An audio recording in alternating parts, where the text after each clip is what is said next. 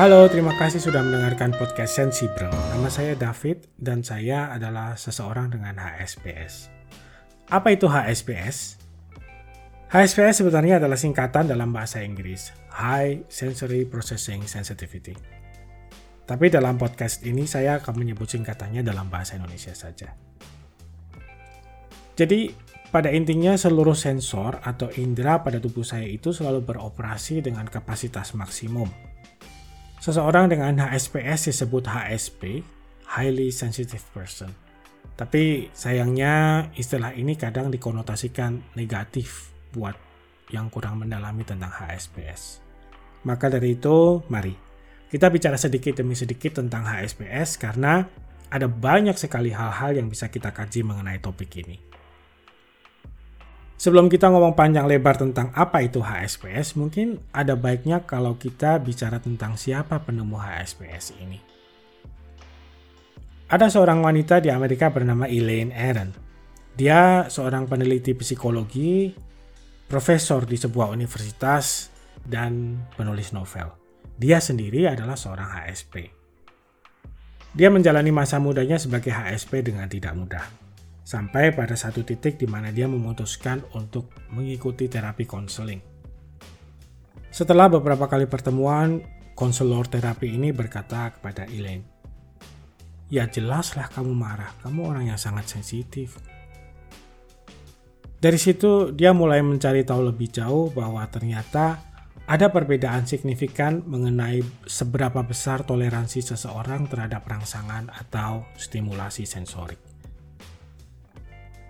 Pada awalnya dia mengira kondisi ini adalah sebuah ketidaksempurnaan mental, tapi karena ini sensorik, ini adalah sebuah ciri, sebuah sifat fisik yang kemudian dalam proses lebih lanjut mempengaruhi tindakan seorang HSP. Kok bisa? Nah, begini ceritanya. Seperti yang saya ceritakan sebelumnya, semua indera dari seorang HSP itu beroperasi dengan kapasitas maksimum. Jadi ketika katakanlah seorang HSP dan seorang non-HSP sama-sama duduk di kafe, minum kopi, ada banyak hal yang mungkin tidak terperhatikan oleh seorang non-HSP, tapi ditangkap oleh indera seorang HSP. Saya menggunakan kata terperhatikan karena gini, Contohnya nih, pada prakteknya mungkin non-HSP tidak bermaksud mendengarkan suara mesin kopi atau kompor yang ada di ruangan kafe tersebut. Tapi bunyi itu tertangkap oleh sensor seorang HSP tanpa usaha ekstra untuk mencari atau mengenali suara tersebut serta mendengarkannya. Agak ribet memang, tapi proses detailnya seperti ini. Dengan kemampuan mengolah informasi dengan lebih dalam, akan meningkatkan reaksi emosional dan empati seorang HSP. Proses ini berulang terus-menerus. Dengan kondisi seperti ini membuat seorang HSP mempunyai kesadaran terhadap hal-hal subtil yang terjadi di lingkungannya. Yang saya contohkan tadi berupa stimulasi suara, tapi pada prakteknya bisa terwujud dalam hal-hal lain seperti gerak atau bahasa tubuh, ekspresi wajah, intensitas cahaya, dan lain-lain.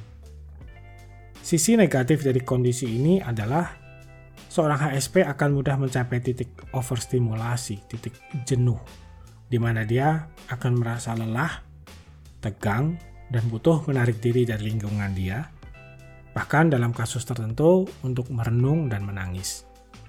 Dalam podcast ini saya akan berbicara banyak berdasarkan buku dari Profesor Elaine Aron dan pengalaman pribadi saya.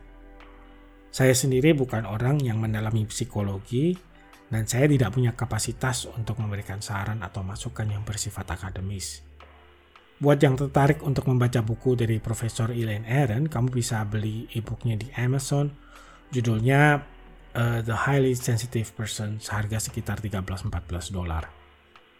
Dalam buku ini, di bagian awal, terdapat sebuah tes Tes ini digunakan untuk menilai apakah kamu seorang HSP atau tidak. Saya akan bacakan pertanyaan-pertanyaannya sebentar lagi.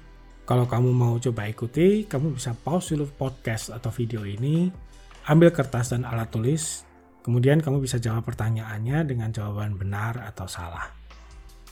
Ada 23 pertanyaan yang akan saya bacakan. kamu bisa pause podcast atau video ini di setiap pertanyaan untuk berpikir dan menimbang jawaban kamu. Kita mulai ya. Saya bisa menangkap hal-hal kecil atau subtil yang terjadi di lingkungan saya. Mood atau suasana hati orang lain mempengaruhi saya. Saya sangat sensitif terhadap rasa sakit.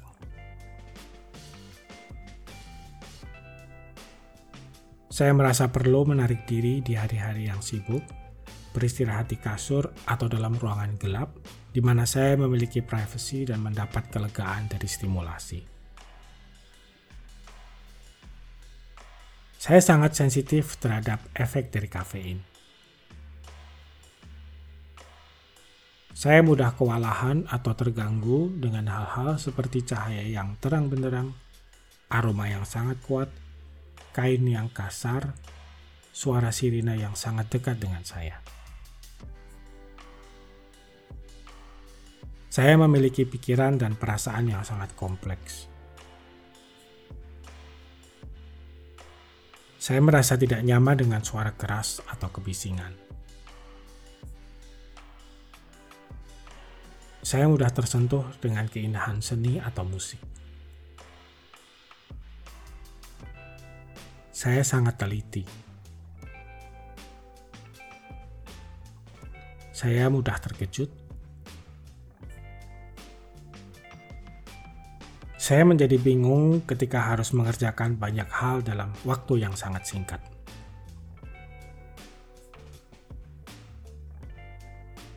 Ketika orang lain merasa tidak nyaman secara fisik, saya mudah mengenali apa yang harus dilakukan untuk membuat orang tersebut merasa nyaman, seperti merubah posisi lampu atau tempat duduk. Saya merasa terganggu ketika orang menyuruh saya untuk melakukan banyak hal sekaligus. Saya berusaha keras untuk menghindari kesalahan dan berusaha keras untuk tidak melupakan sesuatu. Saya merasa perlu dan penting untuk menghindari atau tidak menonton adegan kekerasan di film atau televisi.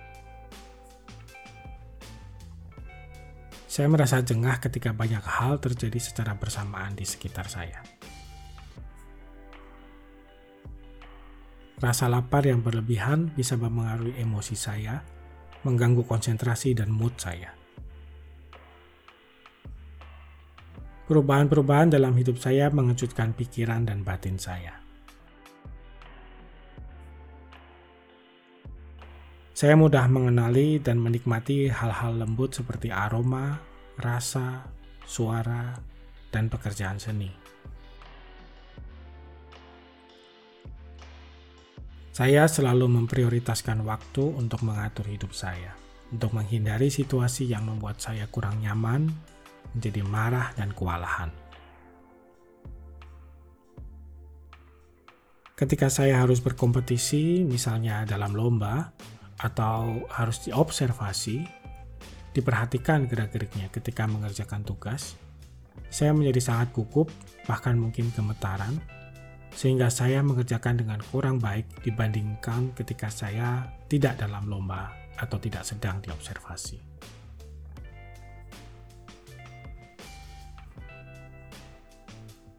Ketika saya masih kecil, Orang tua saya atau guru saya sering melihat saya sebagai anak yang sensitif atau pemalu.